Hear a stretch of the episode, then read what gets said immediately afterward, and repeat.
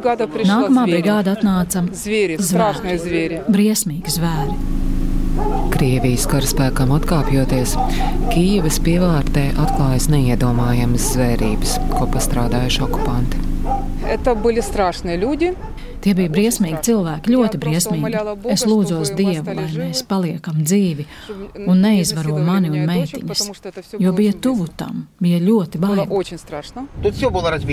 Te viss bija sagrauts, te līķi stāvēja uz ceļiem. Šajā mājā gandrīz 30 līķi gulēja. Mūsu miermīlīgie iedzīvotāji, kuri bija uzspridzināti. Krievijas armija slepkavo, izvaro un laupa, bet Ukraiņi nepadodas. Neviens nekad negaidīja, ka mūsu nācija var būt tik saliedēta. Un šī trakā vēlme pēc mūsu uzvaras un patriotisms, tas dara brīnums. Mani sauc Indra Sprānce. Kopš 24. februāra Ukrainā esmu pavadījis trīs nedēļas, un par pieredzēto Kīivas pievārtē un citviet Latvijas radio podkāstam dokumentārijas esmu izveidojis stāstu Karš Ukrainā.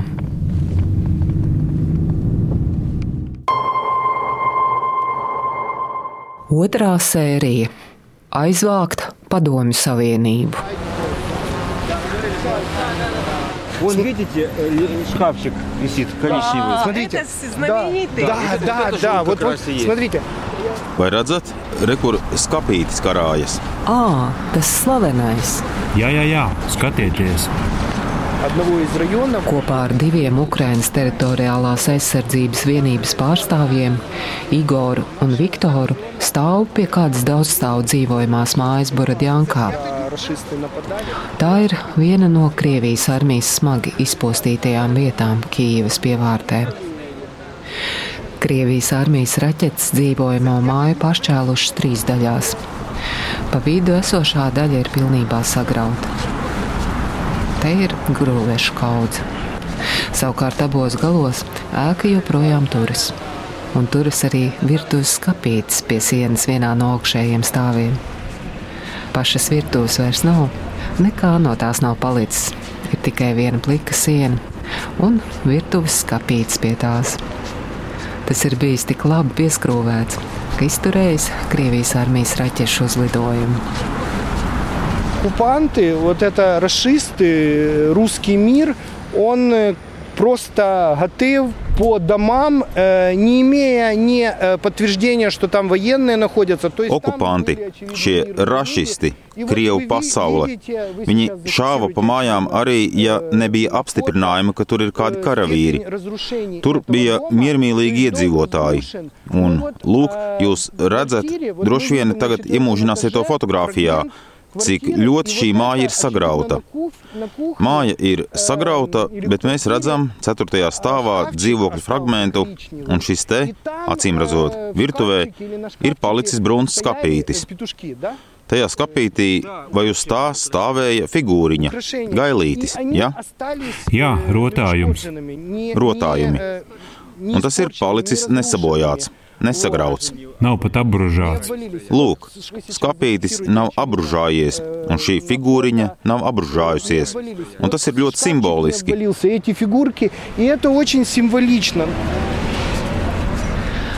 Fotogrāfija ar šo virtuves skāpīti 7. aprīlī aplidoja Twitter, kur to arī pirmo reizi ieraudzīju.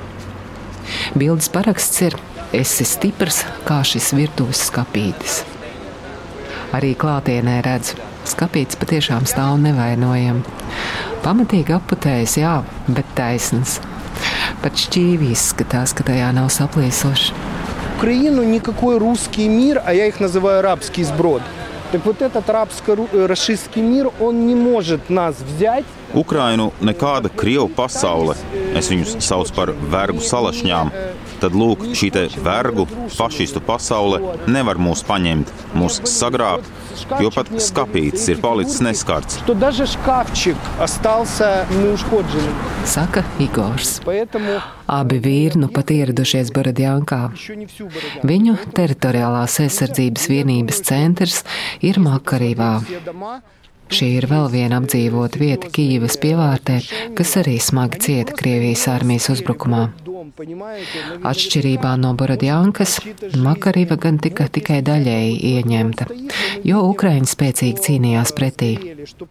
Tomēr ar visu to zaudēja daudz civiliedzīvotājs, stāsta Viktors. Убитых э, только на улицах города нашли 132 человека. Это только лежавших. А еще за месяц вот этих вот частичной оккупации Tur uz pilsētas ielām vien atrada 132 nogalinātos. Tie ir tie, kuri tur gulēja, bet vēl jau mēneša daļējās okupācijas laikā cilvēki paspēja apglabāt savus tuviniekus pagaidu apbedījumos, apraka dārzos un citur. Tie ir pagaidu apbedījumi, un neviens nezina, cik to ir. Tā kā Borodjanka tika ieņemta pilnībā, Viktors Lēšs ka kopējais bojā gājušo skaits te būs milzīgs. To sakot, vīра balss aizlūst. И вот представьте себе, что если город оккупирован на 20-30%, и там 130 человек только лишь лежат на, это самое от обстрелов, так что мы можем сказать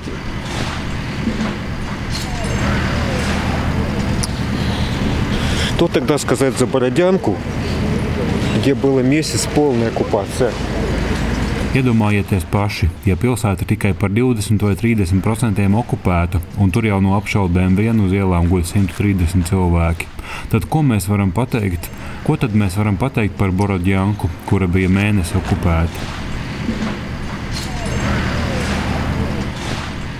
To, ka briesmīgi bijis, apliecina arī Aleksandrs. Viņu sastopu uz ielas otru pusi sabombardētai dzīvojamai mājai.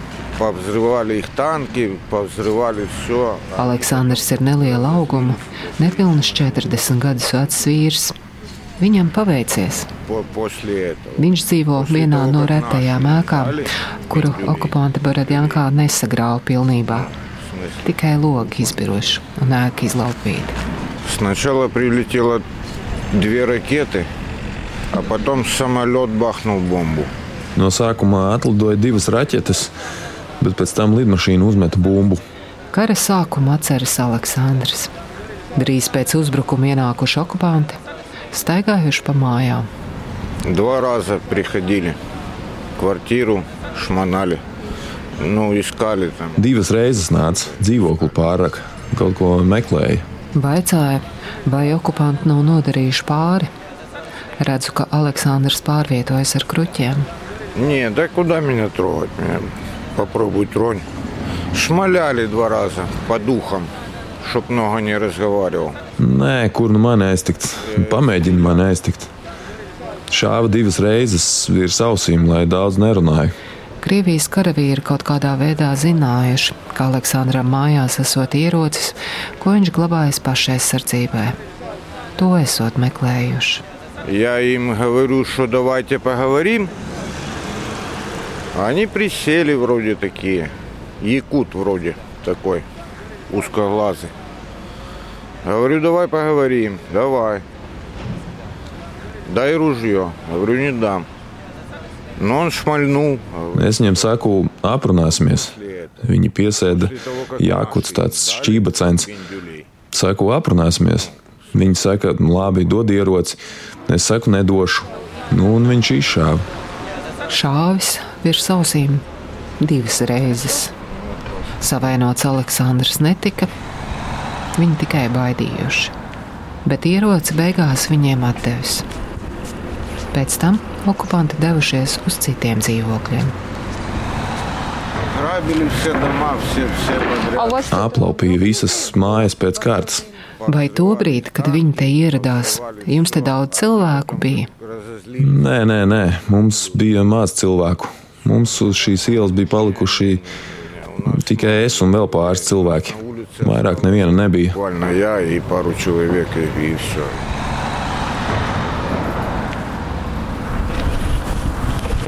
Pār desmit metrus tālāk pa galveno ielu pie kādas daudzstāvu dzīvojamās ēkas, vietā, kur agrāk spēlējušies bērni, tagad kuras neliels ugunskurs.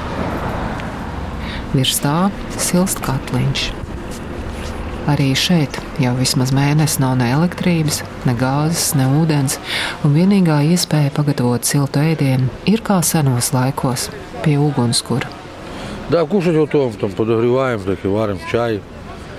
Газу нема світу. Ну зараз трошки там в домах дають там газ, там, воду сказали, може дадуть. Ну отак оце ж живемо.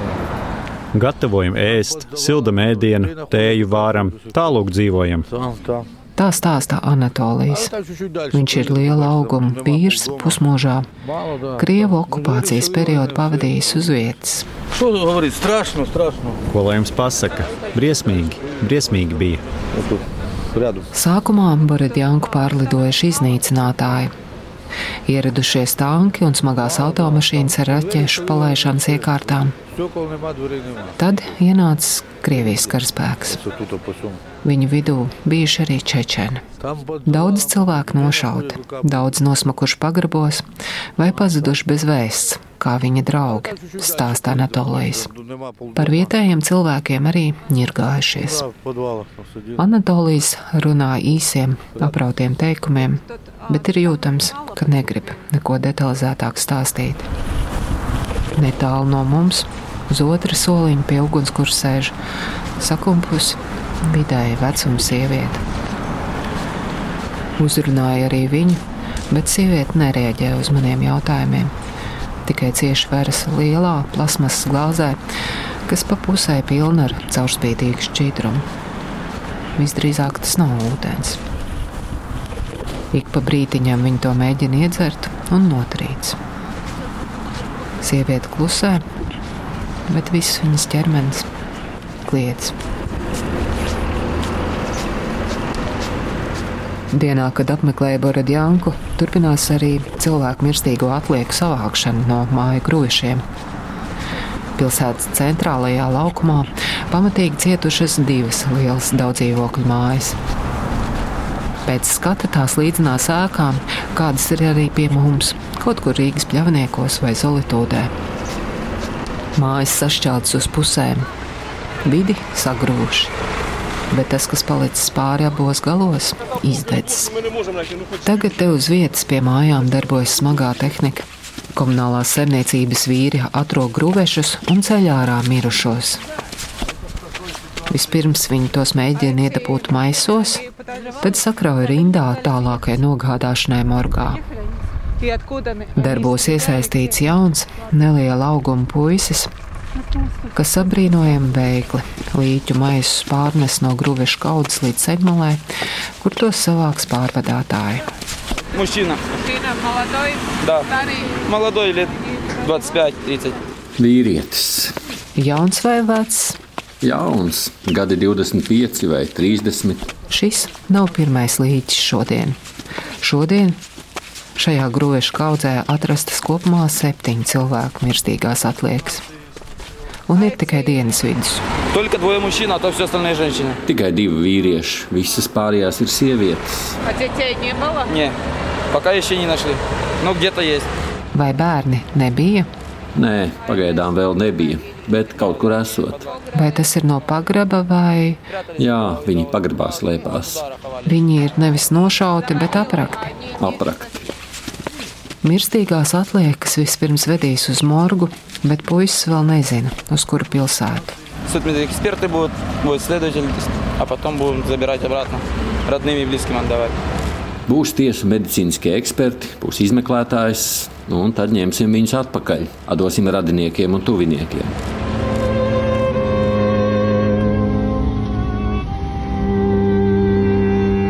Tikmēr uz brīdi visa smagā tehnika apklust. Kravas automašīnas pabrauc tālāk prom no sagrautajām ēkām, un uz brīdi centrālajā laukumā iestājas klusums. Dzirdams kā pūš vējš, karoga mastā lepni plīvo Ukrainas dzelteni zilais karogs, kamēr pakājē cauršauts stāv piemineklis dzēniekam Tarasam Ševčenko.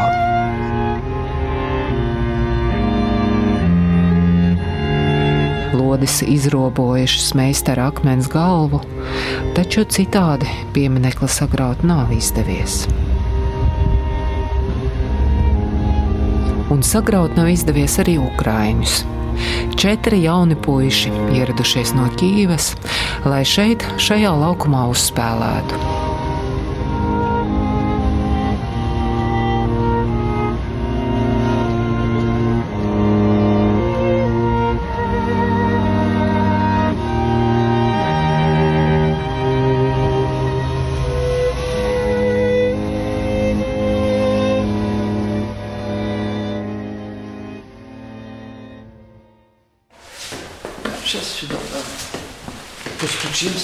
Ir jau cita diena.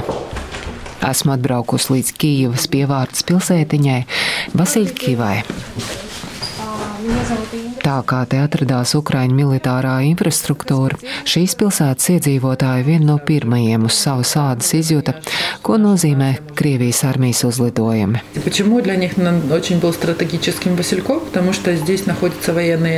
Kāpēc viņiem bija strateģiski nozīmīgi ieņemt Vasiļkivu? jo te atrodas karalīda lauks, piecas nopietnas armijas daļas, un, protams, orkiem bija plāns ieņemt Hostomeļu, plāns B - ieņemt Vasiļkivu, lai te varētu nolaisties viņu lidmašīnas ar desantniekiem un izvietot viņus mūsu bāzēs. Par lielu laimi mūsu karavīri kopā ar teritoriālās aizsardzības vienībām un iedzīvotājiem to nepieļāva. Žiteļiem visiem этого здесь не допустили. Tā stāsta Vasiļkivas pilsētas mērs Natālija Valasinoviča. Miera laikos viņa bija koša politiķa, tagad mugurā bikses un armijas tipa jaka. Vasiļkivas mēra amatā viņa ir nedaudz vairāk kā gadu, bet pirms administratīva teritoriālās reformas piecus gadus vadījusi vietējo rajonu padomi. Karš pamatīgi sagriezis kājām gaisā visu viņas dzīvi un arī sapņus pilsētas mēra amatā. Man bija sapnis izveidot šeit tādu skaistu Eiropas pilsētiņu, šeit visu pilnībā izmainīt, aizvākt no šejienes visu Padomju Savienību nomainīt fasādes, ielas, izveidot mūzienīgus parkus. Mēs iekārtojām piekrasti, uzcēlām futbola laukumus, remontējām skolas, bija ļoti, ļoti daudz dažādas vēlmes. Nu, было много, много разных желаний. Krievijas iebrukums Ukrainā tam visam pielika punktu, vismaz uz šo brīdi. Karš atnāca ar citām prioritātēm, un no sākuma neviens tam nebija gatavs. Конечно, у нас были инструкции, как действовать во время войны, да, это все у нас там в секретных комнатах лежало. Мы... Protams, ka mums bija instrukcijas, kā rīkoties kara gadījumā. Tās mums gulēja slepenās istabās. Mēs divas nedēļas pirms tam bijām organizējuši apmācības, kur un kā mēs rīkosimies. Mērs un visa viņa komanda, kurš kur modinās, ja nebūs sakaru. Mēs visam tam bijām gājuši cauri, bet viena lieta ir to darīt apmācībās, un mēs cerējām, ka tas nekad nekļūs par realitāti un otra lieta ir, kad tu pamosties no tā notiekošā šausmīgā trokšņa, un man vienlaicīgi zvana visi simts mani darbinieki. Viņi visi raud un kliedz, un viņi arī nesaprot, kas notiek. Visi tāpat kā es līdz pat pēdējām cerēja, ka tas nenotiks. Bijusi panika pirmās desmit minūtes, bet pēc tam savākusies un braukusi uz darbu bēgšanu pati nesot apsvērusi. Нет, я, не, я приняла решение с, со своими самыми всеми тут близкими людьми, с кем наша команда, да, что я тут останусь до последнего. Es ar saviem tuvākajiem izlēmu, ka es šeit palieku līdz pēdējiem kopā ar saviem cilvēkiem. No sākuma mana mamma un meitiņa kādu nedēļu šeit vēl bija, bet tad es sāku uztraukties par viņām, un viņas arī pārcēlās uz rietumu Ukrainu. Jo, kad sākās medības uz mēriem un viņu ģimenēm, orkiem tas kļuva jau kā par tādu trofeju. Paņemt kādu mēru gūstā, ņirgāties par viņu, viņa ģimeni, lai tādā veidā šantažētu viņa iedzīvotājus un psiholoģiski ietekmētu. Protams, ka mums bija bail, bet es nekad to neizrādīju, nekad neļāvu sev, neskatoties uz to, ka es esmu sieviete. Никогда не позволяла себе, несмотря на то, что я девушка.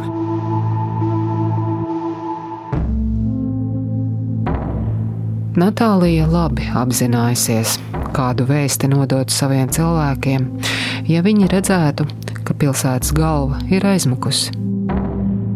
Visu aktīvās kara darbības laiku viņa pavadīs uz vietas kopā ar cilvēkiem. Потому что понимал, что люди же на тебя надеются, они тебя выбрали, они nu, tu должен быть с ними. Tu saproti, ka cilvēki uz tevi paļaujas. Viņi tevi ievēlēja, tev ir jābūt ar viņiem. Katrs pats iekšēji pieņem šos lēmumus. Diemžēl daudzi mēri ir gājuši bojā. Viņus spīdzināja, ņirgājās par viņu ģimenēm, bet laikam jau tā vēlme pēc mūsu uzvaras un taisnības ir augstāka par kaut kādām iekšējām cilvēciskām bailēm. Выше какого-то внутреннего страха человеческого. Darba bijis tik daudz, ka vienkārši nav bijis laika baidīties Мы в первые дни вообще спали по несколько часов. Pirmajās dienās mēs vispār gulējām dažas stundas, ja vispār gulējām. Tajos apstākļos tu vienkārši aizmirsti par šīm bailēm, jo uz taviem pleciem uzgulēs tik daudz darba, par kuriem vispār agrāk pat iedomāties nevarēja. Tajā skaitā tā ir palīdzība visiem mūsu karavīriem, organizācija, jo karavīri, protams, saprata, ka karš var būt, bet ļoti daudz kā viņiem nebija, un viņiem daudz bija jāpalīdz tāpat organizēt mūsu teritoriālās aizsardzības vienības. Vienkārši organizēt dzīvi kara laikā, lai būtu ūdens, elektrība, lai būtu gāze, lai visi būtu patvērsmēs, kuriem tas ir nepieciešams. Tas nav tik vienkārši kā liekas. Когда надо в убежищах, это не все так просто, как кажется, да? Pirms Krievijas iebrukuma Vasiljkivas apkaimē mitinājušies aptuveni 50 tūkstoši cilvēku. Lai arī šo pašvaldību Natālija vada jau kopumā sesto gadu, un varētu teikt, ka savus cilvēkus pazīst, pašu pārsteidz tas, cik lielā mērā viņi spējuši apvienoties krīzes brīdī. Мы сделали там первые дни войны. Колл-центр, один телефон для тех, кто gatava davāt pomošu, любую. Mēs kara pirmajās dienās zvanu centrā izveidojām vienu telefonu līniju tiem cilvēkiem, kas gatavi palīdzēt jebkādā veidā. Kāds ir gatavs strādāt virtuvē, kādam ir kartupeļi, kāds gatavs mazgāt veļu, visu, kas iespējams. Un otru telefonu līniju atvērām tiem cilvēkiem, kam ir nepieciešama palīdzība. Mēs izvedājām produktus, zāles, bērnu barību, pamperes un citas lietas, un bieži zvanīja vecmā māmiņas, piemēram, viena saka, es esmu izcepusi 40 pīrādziņus, atbrauciet, paņemiet kāds un aizvediet karavīriem. Visu laiku bija tādi notikumi, kuri tevi kā mēram nedava nekādas morālās tiesības pat domāt par viņu Šie mūsu cilvēki pārsteidza mani ar katru dienu. Kad mūsu pensionāri vēlējās visu savu pensiju atdot armijai, nāca pie mums un prasīja, kā viņi var savu pensiju pārskaitīt mūsu sistēmā. Tāpēc es uzskatu, ka mums, Ukraiņiem, šī ir iespēja kļūt par pavisam citu valsti. Украинцев это шанс стать совершенно другой страной, честно. Ой, полечко, поле, все кулями зрито. Natālijas ieskatā Ukrainas jaunā paudze vairāk jūtas piederīga Eiropai nekā austrumu kaimiņam. Мы себя никогда не идентифицировали как русские. Mēs nekad neesam sevi identificējuši kā krievus.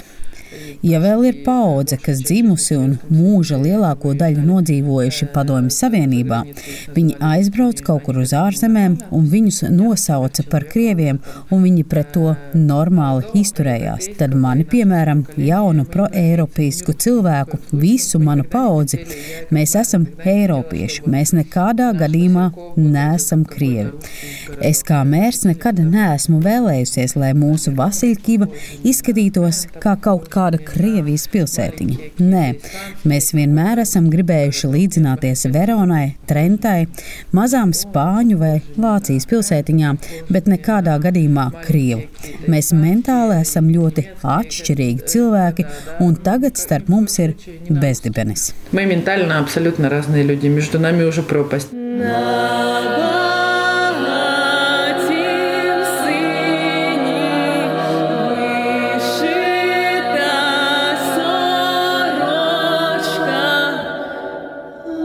Vaicāju, kas ir bijis grūtākais brīdis viņas kā pašvaldības vadītājas amatā.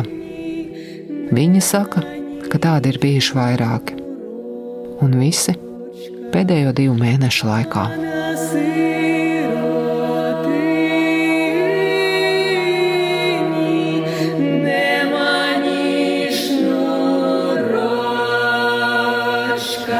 Наверное, вот когда взрывали наши жилые дома, да, вот эту пятиэтажку, когда там были люди, и когда ты звонишь в скорую помощь, да, это emergency 103, Viņi говорят, что мы сейчас не можем ехать, потому что обстрелы идут. Они... Pats grūtākais laikam bija tajā brīdī, kad spridzināja mūsu dzīvojamās mājas, šo piecstāvu māju, tur bija cilvēki. Un, kad tu zvani ātrajai palīdzībai, viņi saka, mēs šobrīd nevaram izbraukt, jo notiek apšaude. Viņi atbilstoši savām instrukcijām nedrīkstēja izbraukt, ja pakļauj mediķus briesmām. Tāpat glābšanas dienests. Kad mūsu mērijas darbinieki ņēma un sēdās savās personīgajās automašīnās, brauca uz turieni un kāpa šajā ugunī, lai izceltu ievainotus cilvēkus un veda viņus uz slimnīcu. Šādi momenti laikam paliks atmiņā uz visu mūžu. Такие, наверное, моменты, они запомнятся на всю жизнь.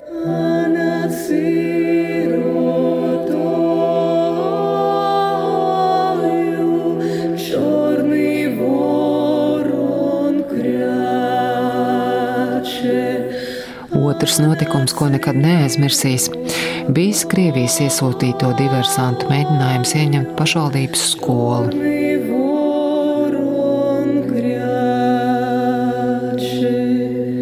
Запомнится, наверное, на всю жизнь момент. Kad... Uz visu mūžu laikam atmiņā paliks arī moments, kad mums bija situācija trešajā skolā. Mēs visi bijām bumbu patvērtnē, sāka gradi mūs apšaudīt, pēc tam mums bija vēl arī diversanti, kas bija iefiltrējušies mūsu teritoriālajā aizsardzības vienībā, mēģināja trešo skolu paņemt par ķīlniekiem. Šādi briesmīgi notikumi un, protams, kara pirmās dienas bija paši briesmīgākie, jo mēs vēl morāli morāli nebijām gatavi, kad desantnieki, kas bija nolaidušies, izgāja uz centrālās ielas un sāka uzbrukt komisariātam un armijas vienībām. Tā bija kara pirmā, otrā diena. Mūsu teritoriālās aizsardzības vienība kopā ar karavīriem cīnījās. Bija briesmīgi, tas laikam paliks atmiņā uz mūžu. Tas bija страшно, это, наверное, запомнится навсегда. Ой,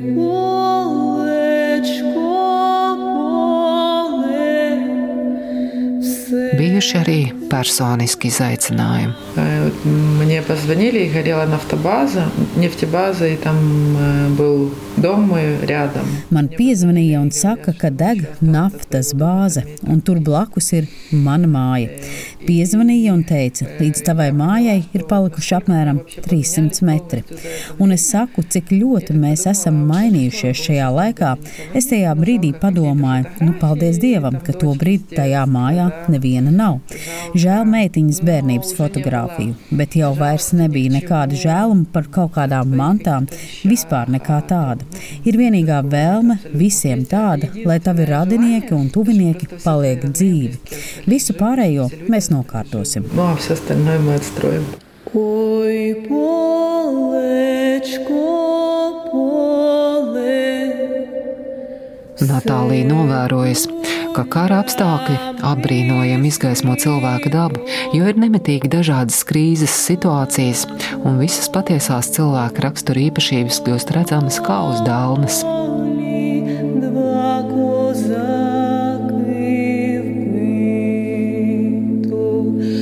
Можно так за всю жизнь не узнать человека, как вот за какой-то там 10 дней войны на самом деле, да? Кто, кто боится, кто не боится. Var visu mūžu nodzīvot un neiepazīt cilvēku tā, kā tas notiek desmit kardienās. Kurš baidās, kurš nebaidās, kuram atklājas kādas spējas un baiļu trūkums, ko nekad negaidīja, kāds cits tieši pretēji - nopietns karavīrs, kurš baidās un pazūd. Dažādas situācijas, bet kopumā no mūsu cilvēkiem nekad nebija gaidījusi tādu salīdzinājumu saliedētību un apvienošanos.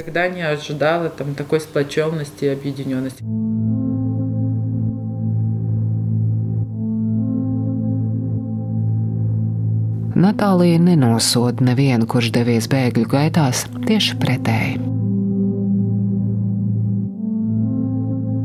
Всем говорю, что каждого на своем месте. Главное это сберечь свою жизнь, жизнь своих детей, а победу нам обеспечат нашу вietu. Visiem saku, katram savā vietā galvenais pienākums ir nosargāt savu dzīvību, savu bērnu dzīvību, bet uzvaru mums nodrošinās mūsu karavīri. Pēc pilsētas vadītājas domām, Basiļkīva šobrīd esot droša vieta, kas jau lielā mērā ir atgriezusies savā pirmskara dzīves ritmā. Tomēr blokposteņus un citu aizsardzības infrastruktūru vietējie turpina nostiprināt. Rēķinoties, ka var būt atkārtots uzbrukums Ukraiņas galvaspilsētā, un līdz ar to visticamāk arī šai mazpilsētai.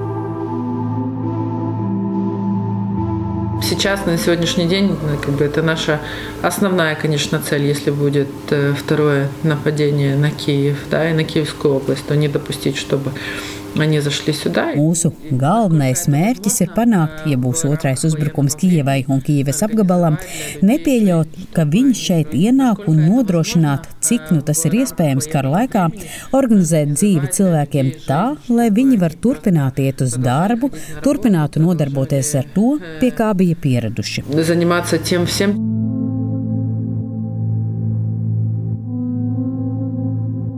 Piesardzības pasākumu jaušam arī pašvaldības ēkā, kur es viņu intervēju. Lai arī kabinetam ir lieli logi, žalūzijas tā arī pa dienu netiek atvērtas. Gaismu Natālija ieslēdz tikai uz brīdi, kamēr viņu nofotografēja.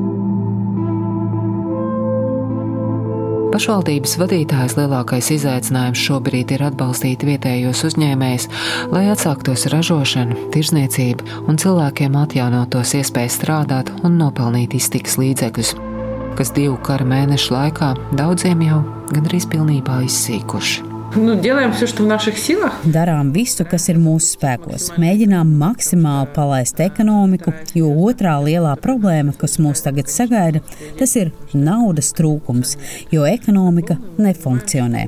Mēs saprotam, ka cilvēkiem nav naudas, lai gan esam ļoti pateicīgi valdībai, ka visiem ir izmaksātas pensijas, daži pat uz priekšu saņēmuši.